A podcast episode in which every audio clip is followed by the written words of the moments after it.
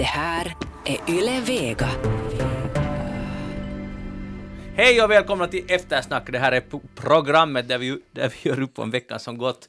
I studion har vi en alltså, gråare än vanligt. Ja! Och det är i positiv bemärkelse. Nu har jag toppat mitt huvud med grått också. Kan Ja, du... du, du har alltså mössa på inomhus, Jag Jeanette. heter, ja, Jeanette Björkqvist heter jag. Jeanette Björkqvist med, med gråa mössan på Jo, huvudet. och så det, nu är det så att det har förts en liten diskussion där på vår Facebook-sida. Det började med förkylningar och så ledde det till diskussioner om mössans Mm. vara eller icke vara. Och sen har Elli Flen den kloka, alltså hon blev in, inropad i den här diskussionen för att ge goda råd om hur man ska klä sig när det är kallt. Och hon skrev att när det är riktigt kallt då kan man ha mössa på sig också inomhus.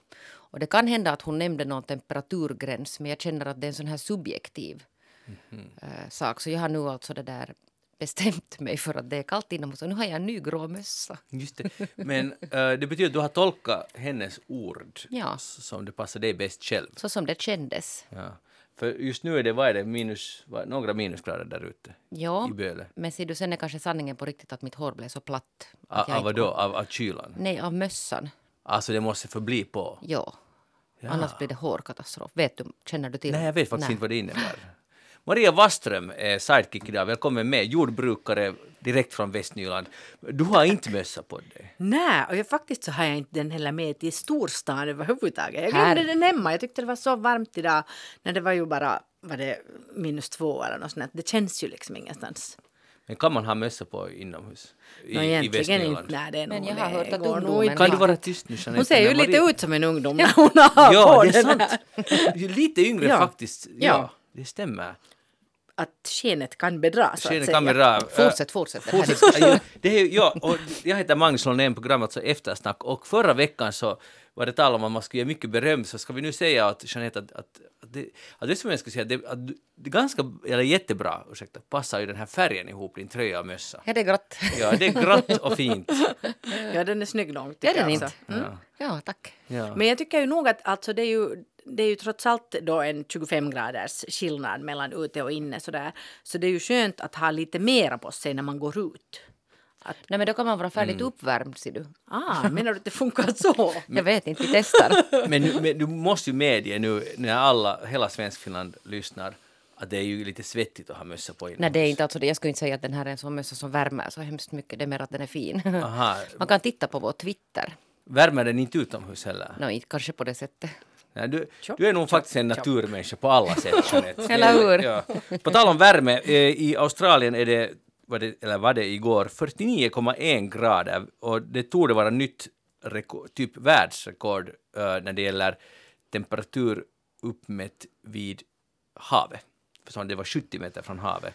Så havet borde ha lite nedkylande effekt. Tydligen då inte 49 grader, fattar ni hur hett det är? Det är alltså det där Nej. olidligt faktiskt. Det, ja, jag är nog också väldigt nöjd och glad att jag inte är där. De har sommar, vi har vinter, vi har haft minus 20 och det kommer att bli minus 30 kanske här nu söndag, måndag, eventuellt till och med i södra Finland. Trivs? Var, vad skulle du nu välja hellre, det här 49 grader eller, eller minus 30? Vet du, jag har tänkt mycket på det där i mitt liv. Att vill man hellre frysa ihjäl eller svettas ihjäl? Mm. Och jag har nog det där kanske kommit fram till att man kanske då hellre svettas ihjäl. Fast du gör ju ingen där alltså. Nej, inte i den där temperaturen, men jag tänkte sådär att om man... Jag vet inte, alltså kanske det där... eh, om det är minus 30 så kan man ju vara inomhus. Men om det är nästan 50 grader varmt så är det svårt att komma undan. Det, det är nog ganska hett det där. Jag, jag, till och med jag kan tycka det. Och, Och sen tror jag att, att det faktiskt också, alltså man ser eh, till exempel har jag märkt det på min hund, att rent eh, fysiskt så mår den alltså bättre när det är lite lägre temperatur. Att, att det där riktigt varma temperaturer gör att man nog kanske inte mår riktigt så jättebra. Klart det är ju härligt med sommar och sol och så där lite värme men, men sen när det går över en viss, kanske över 30 någonting så börjar det kännas bara äckligt alltså. Då, då, jag tror att den, Jo, och sen- den där riktigt hemska hettan, den är nog jättetärande. om vi talar om 49 grader så det är ju olidligt. Det är jag tänker på de som bor där som alltså inte kommer undan det där. Nej, och, och tänk så mycket energi det just nu används i Australien för att man måste ju kyla ner sina hus. Och därför har det också blivit elavbrott för att de heter att systemet klarar inte av det. Och det här är ju möjligt säger, sägs det att det här kommer bli allt vanligare. En del energi används det ju nog här i- hos oss för att värma upp våra hus. rätt. Men, men det, det, det är på något sätt bättre för då kan man ju välja ju att gå ut eller stanna inne. Men är det här en symbol för det att allt blir så, allt så extremt Ja, i världen? Och jag menar inte bara vädret utan åsikter och äh, det, Ja. man söker inte mer av kompromissen utan också vädret har gått samma Ja, det är ju sant. väg. No, det jag Det kan jag märkt ganska mycket det här. Det, det, här- det är ju nog ett, ett ganska tydligt tecken på den här eh, klimatförändringen. Men klimatförändringen, ja, den gäller ju också det här vårt, vårt eh, diskussionsklimat. Det stämmer. Mm. Jeanette, håller du med om det? Ja, och sen är det ju trots allt två fullständigt olika diskussioner. Det här med klimatförändringen och debattklimatet. Men tänk om det egentligen hör ihop? Nej, det gör det ju inte. Men, men alltså just det här mm, extremtänkande. Mm, det Jag, jag tror att det ska vara väderrelaterat, den här samhällsdebatten. Nej, nej, jag menar att, att det är någon sorts allmän äh, rörelse som vi inte ser konturerna av. Vi tror just som du sa nu att det är två helt skilda separata diskussioner eller fenomen. Men tänk om allt hör ihop, att allt blir mera extremt. Vet du, ibland så känner jag att man skulle behöva kunna ringa Pia-Maria Lehtola.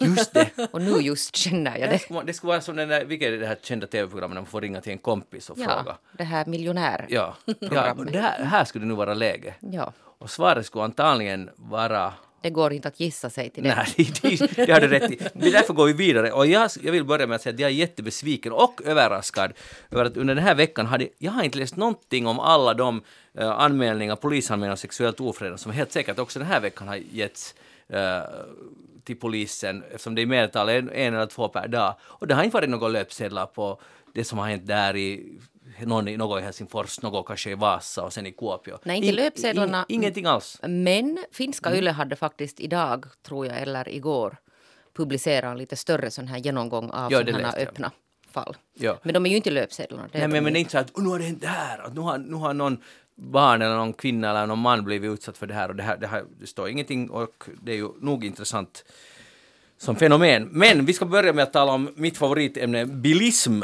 Eh, nu har Sverige, den nya regeringen, Löfven eh, romersk 2, gått ut med att det ska bli förbjudet att sälja nya bensin och dieselbilar i Sverige redan år 2030. Och då tänker jag, eller jag inte bara tänker utan jag vet att det är om 11 år. Det är väldigt snart. Eh, och, och jag funderar igen att nu, någon kan säga att det här är jätteprogressivt, någon annan kan säga att det är extremt orealistiskt. Nu har vi ändå de här extrema åsiktsskillnaderna här. Vad tror du, Jeanette, kommer det faktiskt att lyckas det här? Man får inte köpa nya bilar som drivs med bensin tänker eller alltså diesel där om med- 11 år. Men kan du det där öppna, att vad säger de alltså om, om det bilbeståndet som finns redan? Ja, det ska nu säkert fasas ut sen så småningom, men fram till dess får man Men man köpa. kan ju säga att det där värdet sjunker ju i regel på bilar ganska snabbt. Men jag menar, det måste ju det där innebära någonting också.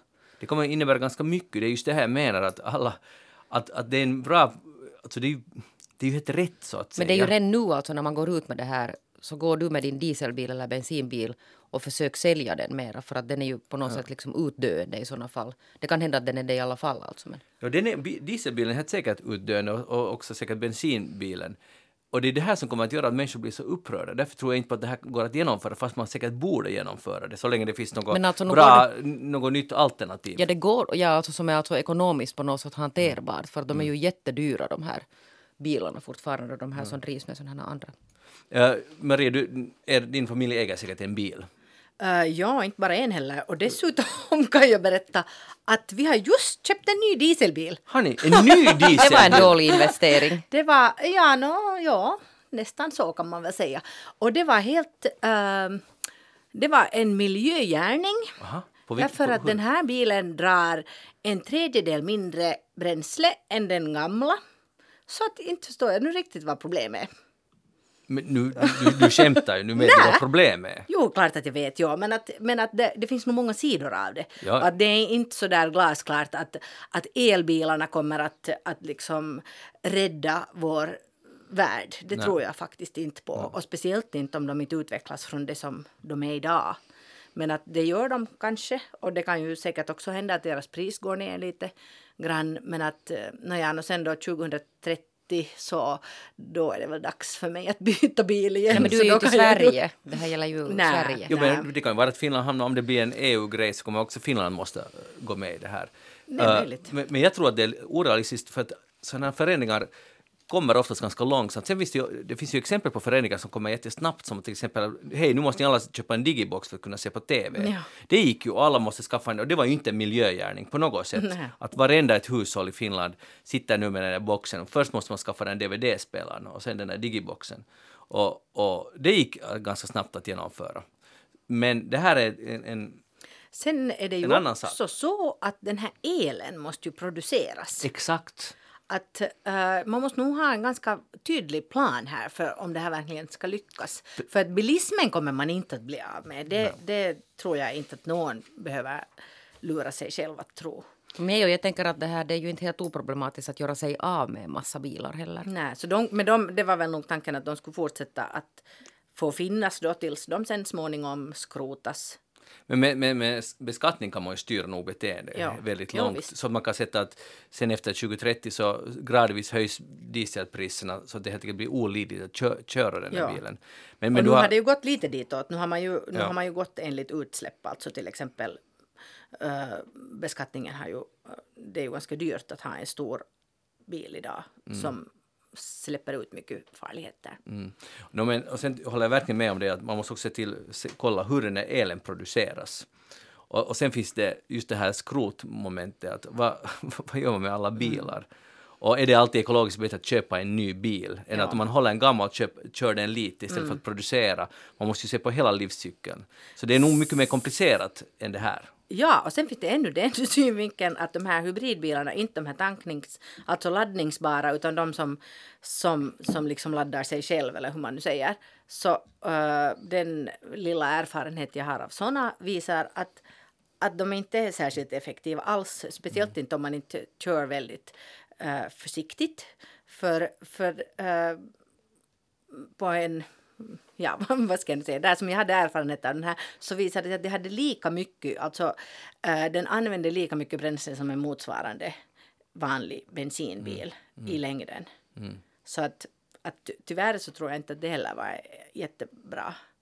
Det som man, man ska borde komma åt är nog, om vi talar om städer nu och inte landsbygd, Jo, och jag Eh. tycker det där är en jätteviktig poäng att vi ska tala om städer. Ja. Och här skulle man ju faktiskt kunna få ner antalet bilar som Ja. körs in i stan varje dag. Och Det är helt vansinne. Och, och på riktigt att man det sitter en jappe, oftast jappe men också en kvinna, i, en i varje bil. Jag, går, jag promenerar till jobbet, det är inte någon lång, lång väg att gå, så går jag över en sån bro som går över en av infartsleden, vad är det, Tam- Tavastihusleden. Så brukar jag stå där och ofta titta. Alltid extremt lång kö, trafiken går långsamt, ofta sitter det en person i varje bil. Och jag kan inte förstå att hur, hur hur är det möjligt att... Jag förstår att man vill ha det här privata utrymmet. Alltså, det är ju det som att man vill ha det egna, för att annars är livet så hektiskt. Jag kan förstå det. Men ändå att man... Att det vinner över det att inte måste sitta i den bilen om det går långsamt. Att inte försöka till exempel ta ett tåg om det går. Det går inte ja, från alla håll runt om Helsingfors, men eller en buss. Att det ändå vinner det där. Det är alldeles fascinerande. Och det som är det mässigt helt ohållbart. Inte förstår jag heller det om, om, om det är just så där att man ska från punkt A till B där det faktiskt går kollektivtrafik. Och, och plus att det är ju alltså otroligt enerverande enerverande att sitta som chaufför i en bil där det, man kryper fram och så är det stopp och så kryper Och man fram. nerverna far. Alltså helt klart, Min, mina åtminstone. Att det tycker jag att skulle vara sämre alternativ än de flesta. Men sen förstår jag att okej, man ska föra något barn till dagis och så har man en punkt och så ska man därifrån vidare till eh, jobbet som är på något annat ställe och sånt här kan ju förstås inverka. Och problemet blir när man dis- diskuterar så här, så människor blir, känner sig jätteprovocerade genast.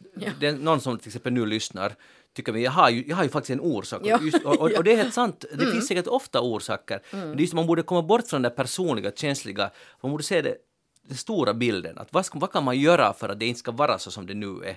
Att, jag, jag tror på att människor är vettiga. Det måste finnas vettiga alternativ. Det, det kan ju vara att infartsparkeringen är usel eller att det finns inte tillräckligt med bussar eller att tågen är överfyllda och man vill inte trängas med en massa människor. Då måste man lösa de problemen. Men ändå är jag...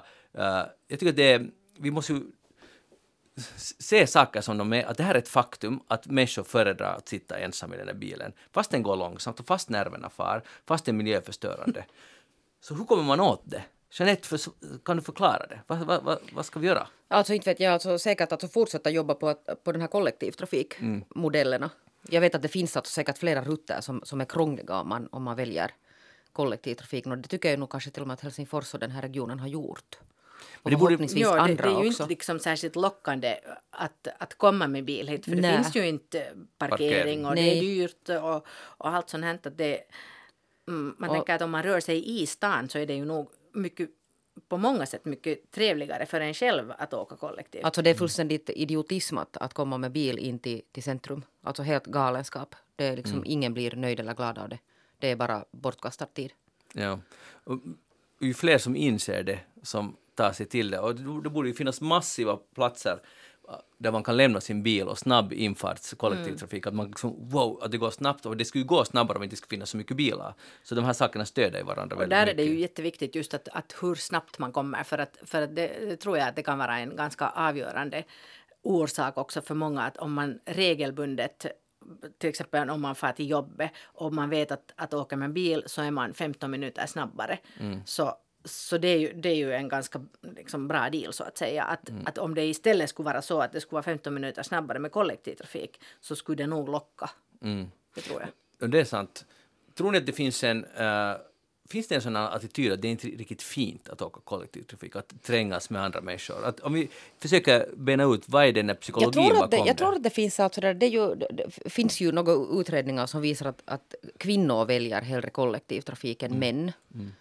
Och det där, och jag tror att det handlar alltså delvis också om en sån här ovana, att man är alltså inte van att se kollektivtrafik. Det, det tarvar lite övning att, att det där lära sig att hur man åker och hur man liksom eh, sådär bra byter till exempel om man behöver byta. Det kräver lite att man, att man gör det. Jo, det Och sen är det någonting med det här att man har säkert kontroll. Alltså att det finns någon sån här föreställning av att du har bättre kontroll om du har din egen bil. Alldeles säkert. Och, och just frihet. Alltså Ja. det, det är ju som bilen ändå har lanserats. Och det gäller ju absolut på landsbygd till exempel. Frihet. Att man, man kan fara... Ja, att man överhuvudtaget kan röra sig Ja. någonstans Men, men, men jag, tycker att, att, jag tycker att det är en paradox, för det är inte alls en frihet egentligen i stan, utan det är tvärtom ett fängelse, den där Ja. bilen. Och det är bara problem. Alltså om jag har är- någon gång i svaga ögonblick någon gång mycket sällan gjort misstaget att tro att nu har jag så bråttom att nu kommer jag säkert snabbare någonstans så där halvcentralt med bil. Och det stämmer ju alltså. Det finns ju inte parkeringsplatser till exempel. Det är alltså bara totalt bortkastad tid. Och så håller man på- och tressar liksom där i de här bilköerna. Och alla är nervösa och alla är irriterade och alla söker parkeringsplatser som inte finns. Så.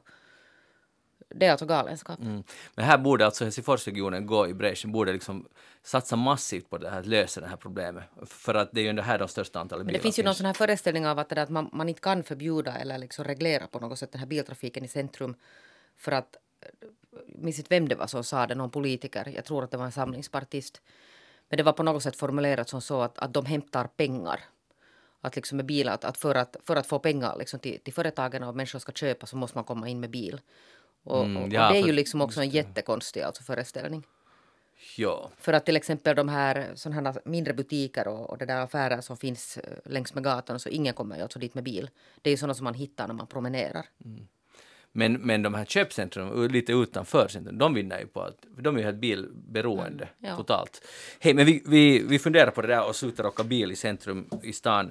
Alla städer alla städer. som har kollektivtrafik. Hej, det är nu, jag vet inte om ni har märkt det, men det är kaos i Storbritannien fortfarande. Eh, Brexit-kaos pågår. Och jag läste en, en artikel där man har frågat folk, alltså i Storbritannien, vad oroar er? Så här, överhuvudtaget i, i livet. Inte kanske det personliga planet, men så här, sånt som samhäll, samhällsfrågor. Nåja, långt över hälften, eller inte långt, men lite över hälften är oroade helt enkelt över Brexit. Att de går och, och det är liksom det som de mest dominerar. Vad är du orolig för? Vad vill du att politikerna, fixa, politikerna ska fixa? Det är Brexit. Uh, människor vet inte vad, det här, hur det här kommer att sluta, eller ingen vet ju.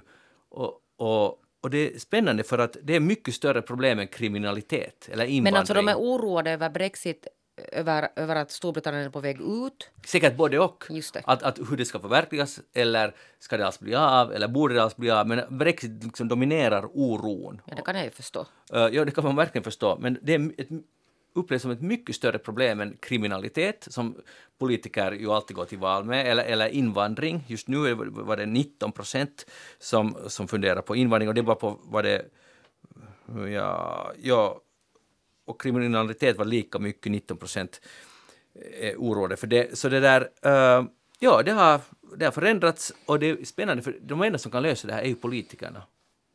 Folk är oroat, men ingen går till val, eller väldigt få säger nu att vi fixar det här, vi visar inte alls, vi ordnar en till omröstning, eller det är bara några få som säger det.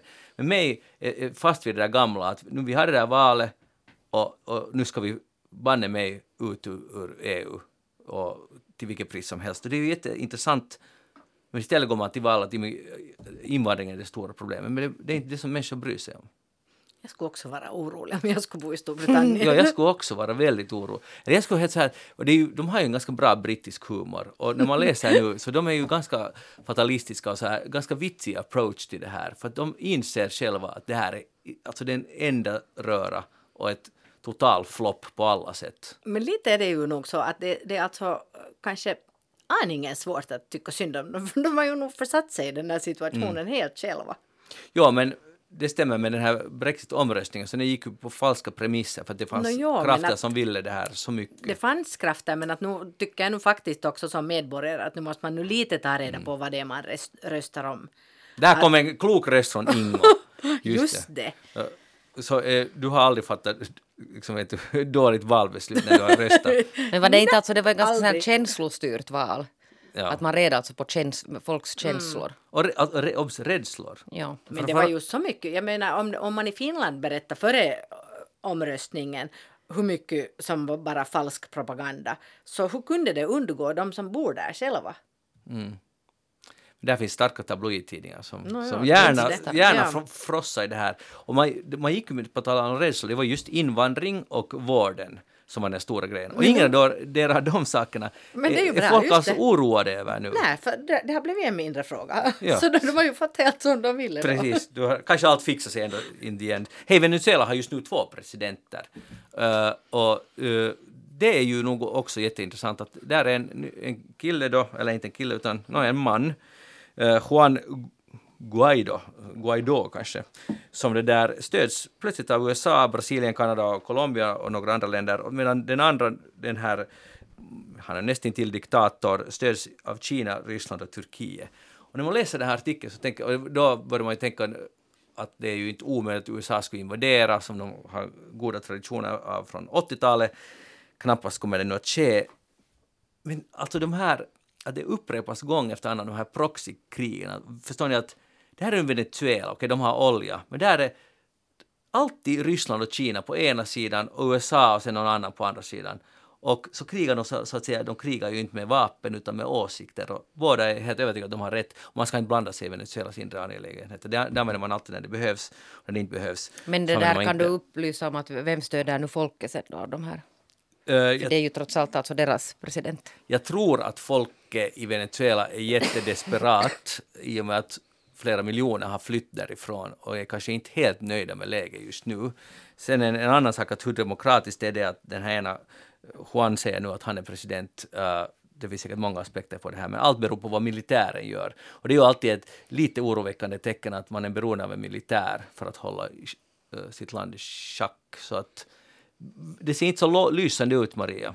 Nej, det gör inte. Och Följer du borde jag med? nu komma med någon sån där Nej, du behöver inte. bra analys här över läget i Venezuela? Men följer du med det? Nå, med ett öga. Just. med ett öga. Ett halvt. Kan ni, ja, kanske Ja. det. Ja. Ja, men alltså vi har ju otroligt bra. Vi har nu redan kunnat konstatera att tur att vi inte är i Australien Ja. och tur att vi inte är i Storbritannien och tur att vi inte är i Venezuela heller. Vi har det nog otroligt bra här i Böle, trots allt. Jag menar alltså Ja, i Finland, vad kan man det inte nu här i veckan också så det kom den här utredningen om att det var det bästa landet på alla möjliga, Svårt att tro, men kanske. med alla möjliga sådana här där mätare mätt. Igen. Vi fick något pris. Nå, nå, Ja. ja, men, men sen mätningar nu, alltså, nu är det ju mycket bättre att bo i Finland än Venezuela Nå, just nu. absolut, men ja. det är det Mm. vad jag säger. Ja, men sen, tänker jag, sen tycker jag inte om sen man slår sig för bröstet att det är bäst. Det finns massa saker som, just för att det är så bra, så kunde vara mycket bättre skött, att förvånansvärt dåligt skött. ja, men jämfört med många andra länder så Mm, är ja, det ja. jättebra. Här. Nu Just är det. det just sån här hör du det där. Nu ska förlåt, vi vara förlåt. po- positiva. Hej, jag läste en nyhet i, eh, på en sajt som heter revealnews.org.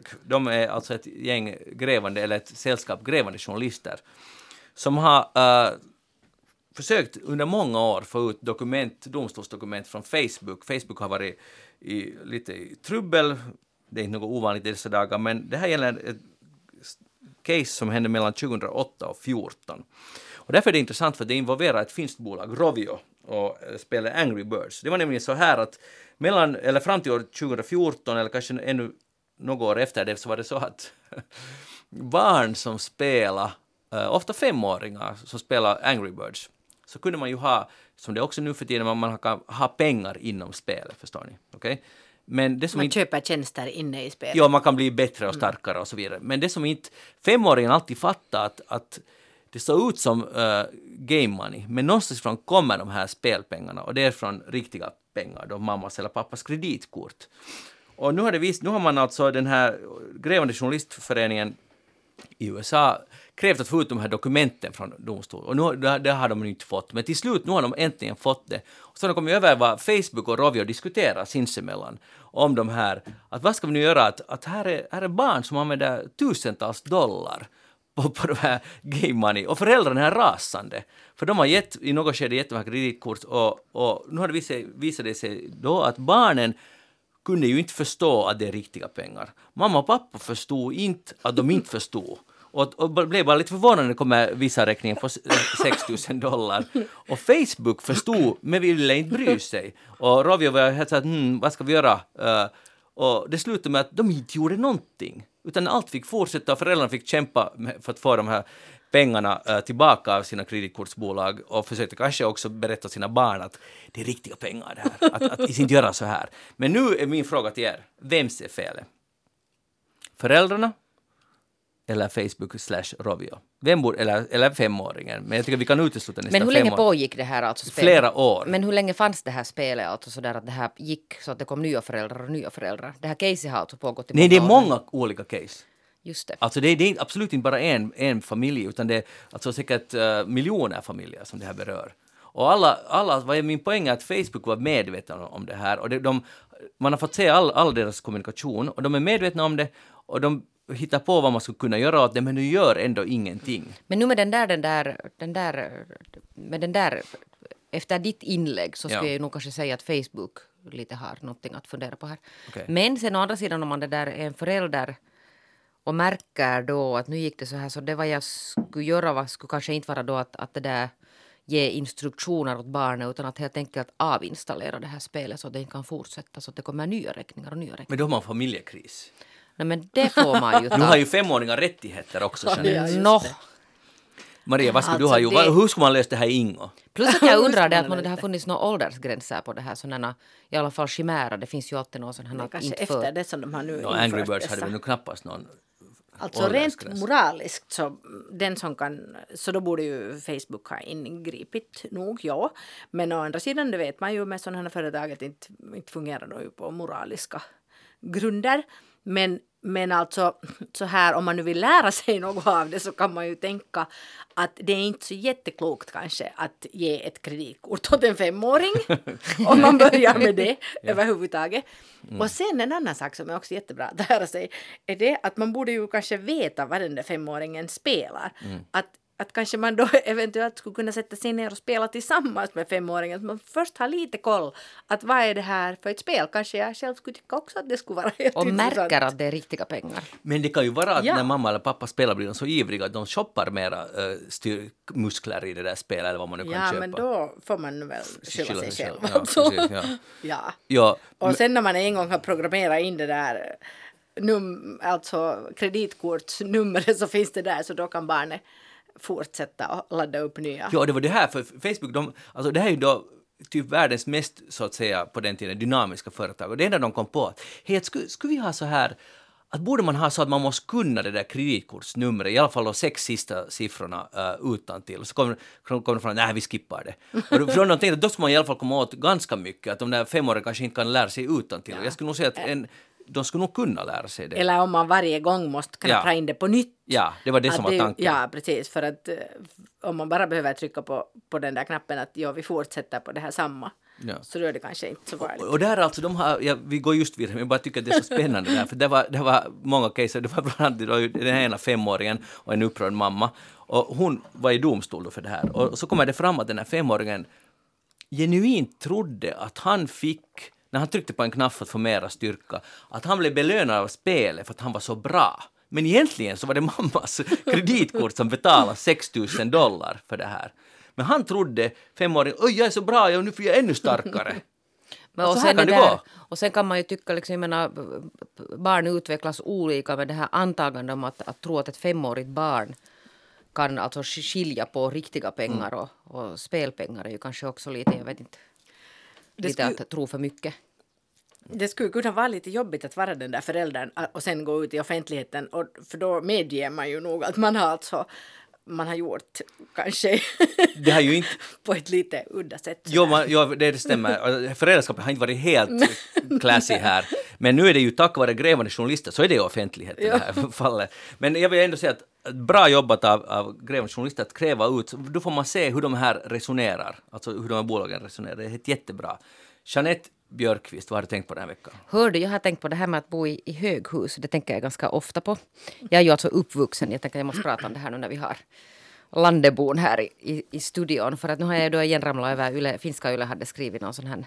Jag vet inte varför, men de hade nu fått för sig att de ska igen kolla den här den här eh, fastighetsförbundets läge och prata lite om det här med att bo i, i höghus och så har de intervjuat en, en mycket sån här progressiv, bra jurist där som igen resonerar kring det här att vad klagar nu människor på? Vad är, det liksom, vad är problematiken när man bor i höghus?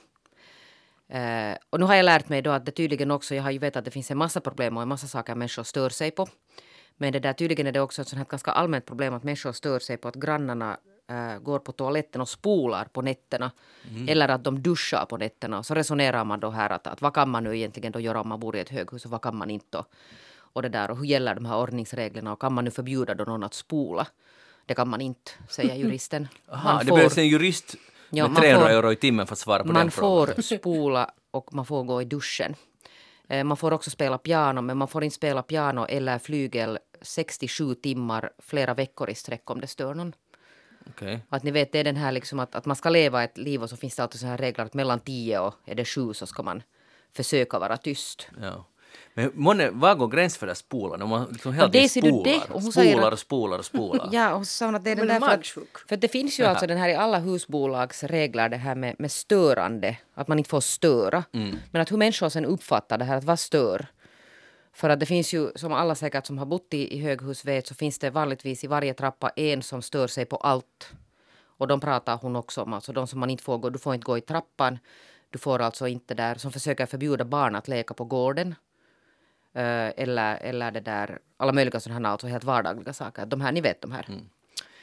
Har du, har du någonsin Jeanette klagat på någon i ett höghus, på någon annan? Och nu, Ja. kom ihåg att du ska vara ärlig. nu. Ja, och vet du, det har jag faktiskt alltså gjort. Men, men jag måste säga att det, var, det är inte på lätta grunder för att det där... För att efter att då vara...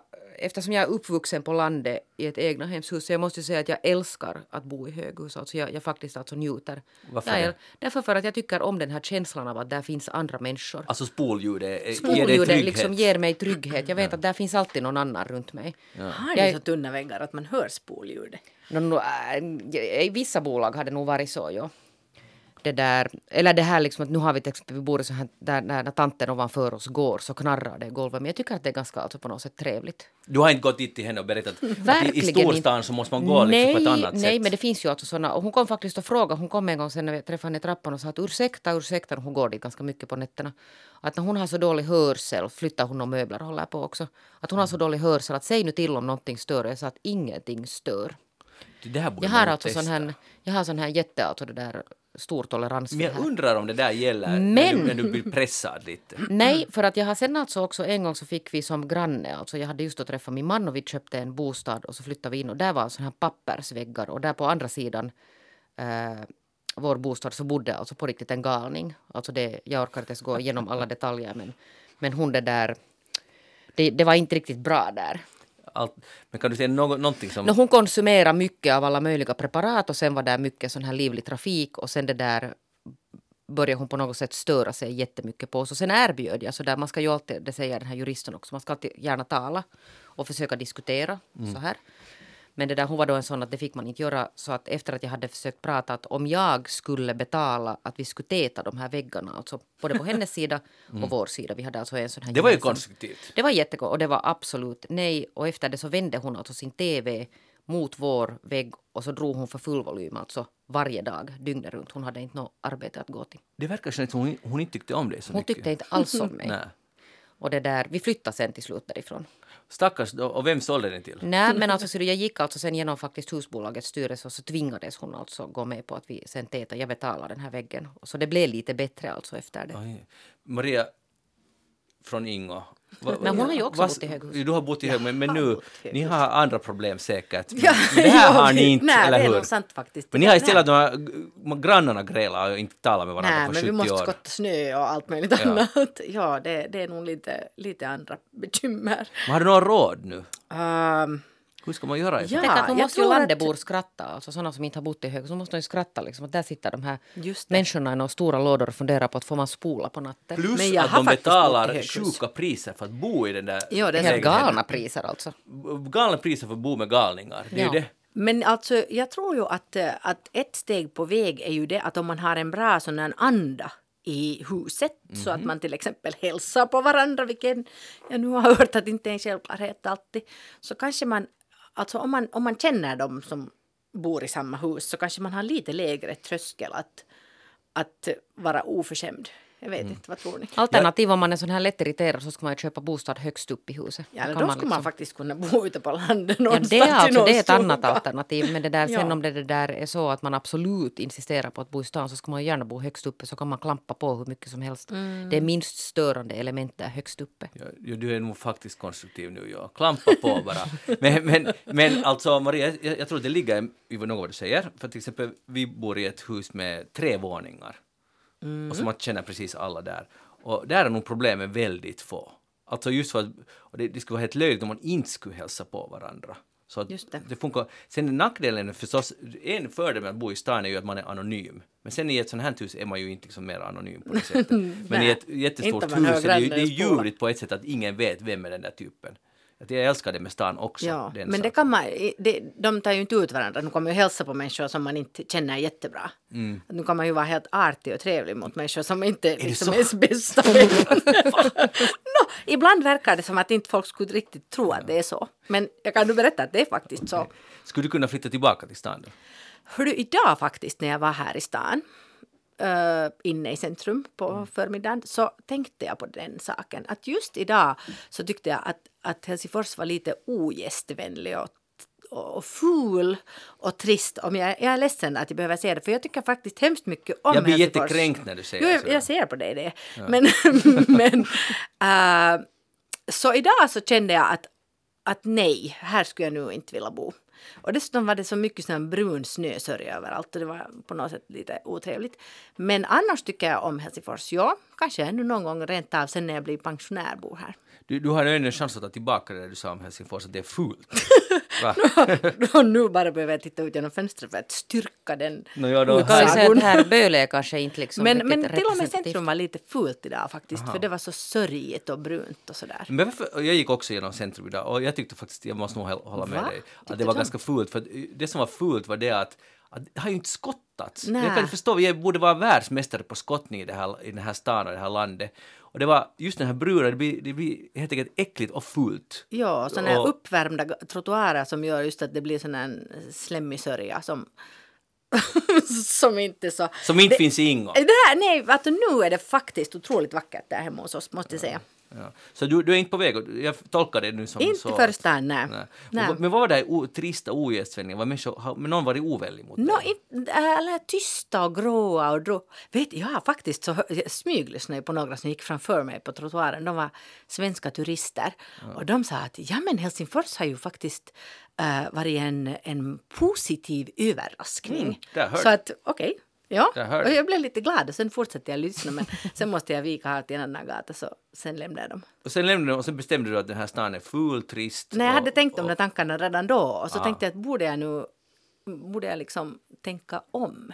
Ja. Men att tja, Kom en kanske. annan gång på besök. Jag kommer. Men, Maria Wasson, vad har du själv tänkt på den här veckan? Ja, det är ju faktiskt också eh, en, en sån här s- lite störande fråga för jag har tänkt på snarkning.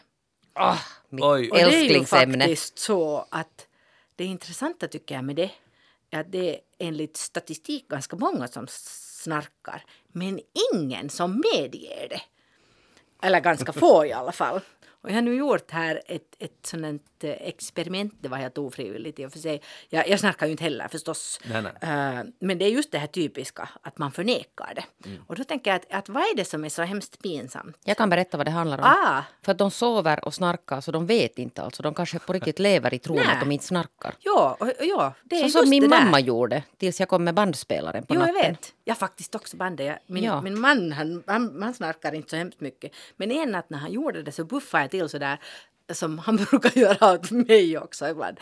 Bara du på sida. Nej, nej, nej, nej. Nej, nej. nej. Men äh, så här, att lägg det på sida. Och det första, det tog alltså en, min, en sekund så blev svaret jag snarkar inte. Det, det, det är sådär att varför måste man alltid förneka det Nej, men för att de inte hör det själva. Alltså på riktigt. Men det är man ju självklart snarkar, att man inte hör det. Nej, men snarkar gör man ju det där och de, kanske de på riktigt alltså tror. Men då Jag kan man väl säga nu- att oj, snarkar jag? Ja, Det jag- visste jag ju förstås inte om. Jag, Men- kan, jag, jag är ganska expert på det här. Aha, därför, no. därför att jag, jag tydligen snarkar, snarkar jag.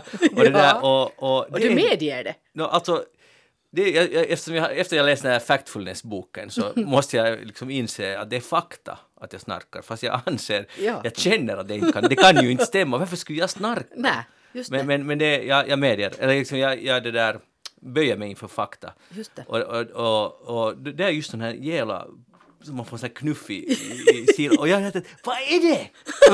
Varje, gång, varje gång, just i den sekunden, är att vad, vad vill hon? Att egentligen var du ju vaken också va? Nå nästan så här, snacka inte, här är ju något ljud.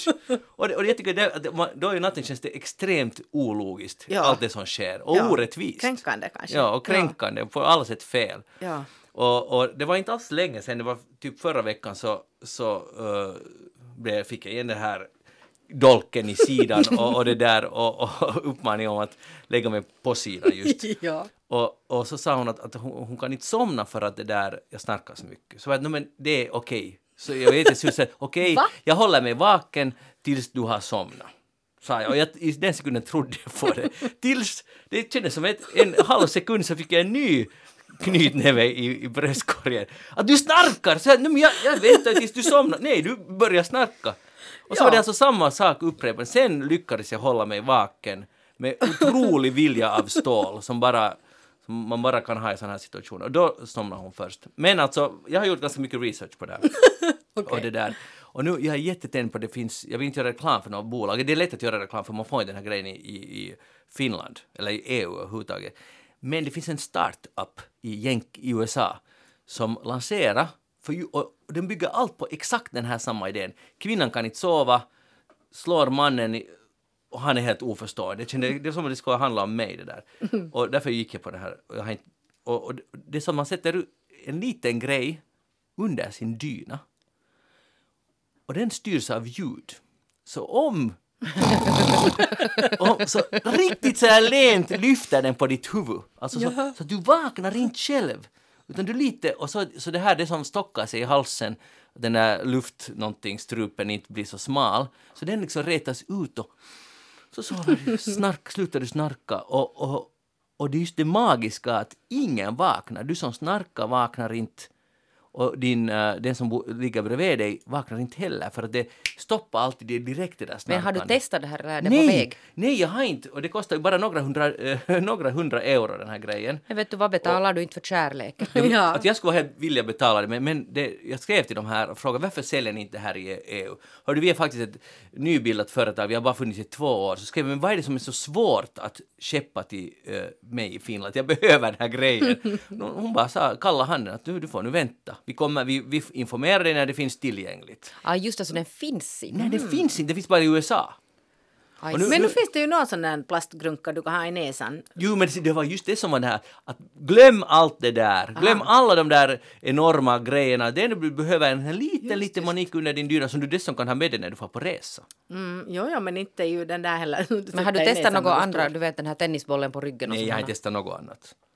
Det där, men jag känner alltså så med din fru. Alltså jag har Ja. det där total nolltolerans när det gäller snarkning. Alltså noll. Men man kan ju inte göra någonting. Alltså, det här är ju en sån här helt återvändsgränd. För det är inte det är ju heller Du snarkarens kan fel. flytta till soffan. Nej, men det är ju också trist. Det är också trist. men, men faktum är ju det att det är ganska farligt att eh, dels så kan det vara lite farligt för den som knarkar men det är också farligt för den som ska ligga där bredvid därför att om, den, om, om nattsömnen störs hemskt mycket så är det ju ett hälsoproblem också för den andra. Ja, och därför gjorde jag en god gärning som man och par, livspartner. Jag gick och köpte öronproppar åt Ja, henne. just det. Det var ju och, ganska och, och det snällt. där, Men det är jättejobbigt för sen när man går och sover, vi säger något viktigt till sist. Va? Sa du något? Och det är annars också ganska obehagligt att sova också Ja. sådär med öronproppar varje natt. Men det tycks vara bättre än enda snarkningar. Ändå. Men ligger du på sidan? Eh, vad sa du? Om jag... No, Det är ju ganska tydligen enkelt. inte. Jag vet, men, men sen... Jag tycker nog att du borde försöka med något hördu, sådana som riktar sig mot dig också, så att du inte hamnar på sidan. men jag har ju gjort den här otroliga researchen. No, men den här tennisbollen har du ju inte ännu testat. Men alltså, va? No, men det, den är inte så här gammal. Ah, under alltså ryggen, gammal ja, så man inte- så man inte ska bli- Så att sen när du försöker alltså vända på ryggen så känns det som att du börjar sova på sidan helt enkelt. Jo, men det, det tycks vara någon sån komplott för att nu, nu senast fick jag höra att det hjälper inte ens fast jag sover på sidan. Så Aj, va, ja. va, du, nu är goda råd dyra, Jeanette. Ja, du måste gå till läkaren och undersöka här. Det här, det här ska nog ordna sig på något sätt. Jag tror att man lever ett, om man lever ett hälsosamt liv så försvin- försvinner knarkningarna. Det måste ju handla om det. Ska vi gå vidare eller vill ni ännu frossa i det? Vad var, vad var nu kontentan? Förlåt Maria. Ja, ja, ja, jag vet inte, jag tycker nog att ja, vi kom ju långt tycker jag. Kom vi Ja, jättelångt. Du är nöjd med det här Ja, diskussionen? ja, ja, och framförallt just det här att vi ska sluta vara så generade över våra snarkningar och istället Ja. göra någonting Ja, och sen alltså som ett extra tips att om, om, om man bor med någon som hedrar att den inte snarkar så fram bara med den här inspelningsapparaturen på absolut. natten och ta, ta beviset. Slå beviset liksom på. Men, men bordet. det kan ju vara fake, det kan vara liksom Nej, det ja, men det kan det nog inte vara, vet du. Det Någon där. gräns måste man ha. Ja. Lite heder och... Hur länge man kan alltså förneka faktum. Nej, men, Magnus. jag, sa, jag har ju just berättat här men i hur, länge tog det, hur länge tog det för din fru att få dig att tro på det? Nå, det tog en stund. Ja, Ja, men nu, nu istället har jag, har jag liksom vänt kappan helt och erkänner allt. det är bra. Och det- Men det, men det är det som är konstiga här nu att jag, mellan raderna i det du säger Jeanette, så är det att, att man ska skämmas för det här. För att inte man ju, vill man ju störa någons nattsömn heller. Att vi är ju alla offer. Men det där, jag tycker att den här, dina, dina åtgärds, de här du utredde att det finns någon startup i USA, sen gjorde du ingenting annat som alltså på något sätt det där höll sig här inom rimliga geografiska... No, jo, visst, men ramar. jag, jag tycker att man, man kan inte sova med några remmar runt facet och, och, massa grejer. Så nej, det är ju helt omänskligt det Men också. har du alltså till exempel vandrat in till ett apotek och konsulterat någon farmaceut? Nej, det har jag inte gjort. Nej. Men nu går vi vidare. Jag har läst, jag var i Norge i aften, Aftenposten. Alltså jag var i Norge och jag köpte Aftenposten. Okej, och det där, eh, och det här är det som man märker när man är i Oslo. Det är ett välmående land på alla sätt, det går, eller det verkar i alla fall gå jättebra. De har olja och hoppas de, den oljan snart tar slut där. Men, men i alla fall så, när man går på krog eller vilken servicebransch som helst, så nästan alla eller ne- jättefå talar norska. De talar rikssvenska till exempel, eller något annat språk. Man måste do it in English. Men oftast nog går det på svenska. Och här är faktiskt en hel sidas artikel om det. Det var intressant för vi, tal, vi, vi som var där talade om det. Och det där, så, nu vet jag vad jag skulle göra om jag skulle vara ung och kunna svenska. Jag skulle fara vips till Norge och det finns hur mycket jobb som helst, till exempel inom hotell och re- restaurangbranschen. Här är en hel sida där det står att man får inte folk som, som är norrmän som talar norska på jobb. De bara inte is. Jobba på hotell eller restaurang. stämma? Det står här. Mer och mer engelska på eh, norska hotell. Ja, ja. Och, och så är jag en jappe som har studerat på hotell och restaurangskolan där det fanns, var det typ ungefär eh, 3000 studenter från hela världen och sju av dem är norska. Okej. Förstår ni? Som Men studerar. vad gör norrmännen då? De- Något de- måste de, de också jobba chillar. med. De chillar. Nej, Det finns jag olja. att de också jobbar. Nej, men, så, jag, jag De lite- skidar i fjällen. Ja, de är, på, de är på tur att förverkliga sig. Nu, nu förstår jag det. Om man Ja, ja. har stålar så varför ska man jobba? Nu, nu, nu, Men inte det är så generali- som oljan i Norge funkar? Att alla har jättefeta plånböcker?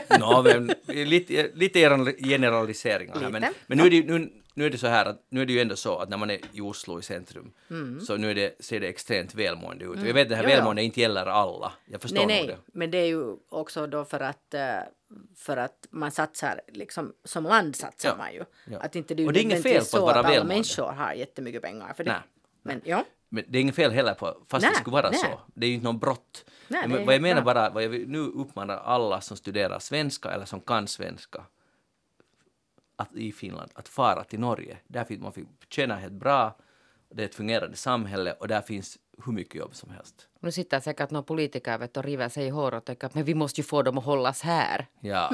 Jo, då, men, men jag menar, man skulle ha ganska bra nytta av den här svenska man har studerat i skolan. Ja, det skulle man ha. Att där, där finns jobbet. Så att det, där, det här är nu ett riktigt problem i Norge, men eller, i och för sig kanske inte ett stort problem. Det, det som de nu är oroade över att vad ska pensionärerna som inte kan engelska, hur ska de klara sig på norska hotell om de inte får tala mer norska där?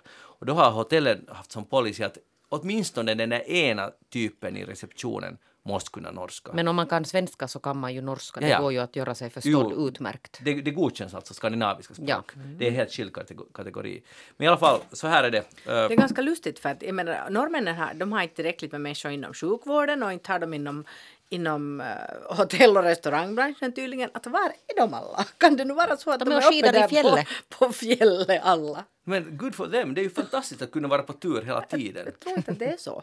Det här, det här, vi har, jag vet vi har norska lyssnare på eftersnack, Ja, så snälla meddela oss gärna. e-posta oss på eftersnacksnabelayle.fi. Vad gör ni egentligen när ni inte jobbar på hotell och krog? Ja. Ja. Hej, jag åkte också tåg från Oslo till Stockholm den, äh, igår faktiskt. Och, och jag vet inte om, om du minns Jeanette, men jag talade i tidningen Coupé, den här SJs tidning, Statens Ja, järnvägars tidning, ja. så stod det att det är den bästa flirtplatsen Ja. av alla kollektivtrafik. Och det här gäller absolut inte mig, för att ingen talar egentligen med mig. Men Fast du såg så sådär inbjudande ut. Ja, och intressant på alla Ja. sätt och dynamisk. Att där är nog Jeppe som inte snarkar, men, men, men att så, så var det inte. Så var det absolut inte. Eh, men på andra sidan korridoren eller gången så satt där en, en kvinna i kanske 20-årsåldern och en kille i 20-årsåldern och de känner inte varandra och det, det, resan tar ungefär fem och en halv timme. Och ungefär efter två, tre timmar plötsligt frågar killen av henne Förlåt, men vad läser du? Och hon satt med en jättehög papper, så berättade hon vad hon läste. Och det var som en Förstår ni, var som ett mirakel, för han visste allt om vad hon läste, eller så hittade han på, men det spelar ingen roll. Han hade ägnat sina timmar åt att sitta där och googla information. Ja, ja, Bra, gud, snyggt gjort, för att det här gick jättehem och hon blev helt eld och lågor och så satt de och diskuterade litteratur och forskning ända fram till, nästan ända fram till Stockholm. Och det är så enda jag, och jag bara tänkte att det, nu är tåget en fantastiskt flirtställe, att nu är det ju otroligt att det funkar.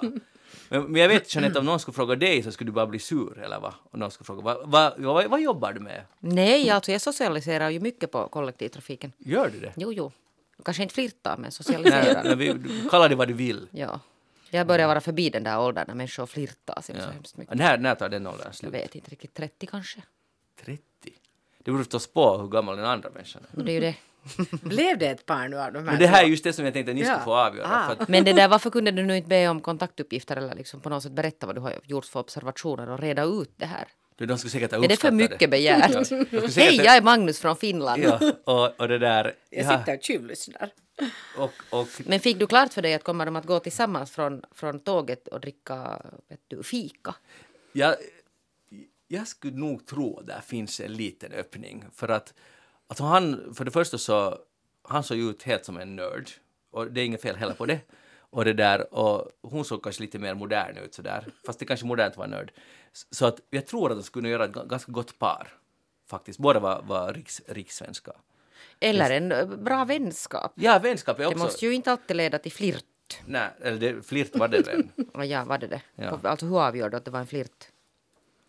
Nå, utifrån, jag ska säga så här, från mannens perspektiv så var det nog en flirt för att hon, och hon var nog med, för att hon både fnittra, alltså det var det, att det var en ganska fin kombination av, av eh, fnitter och seriöst snack. Jag skulle säga det, det all grund för långt kärleksförhållande finns där. Hur var den här non-verbal communication? Det är den man ska titta Så jag på. kunde inte snegla helt för mycket.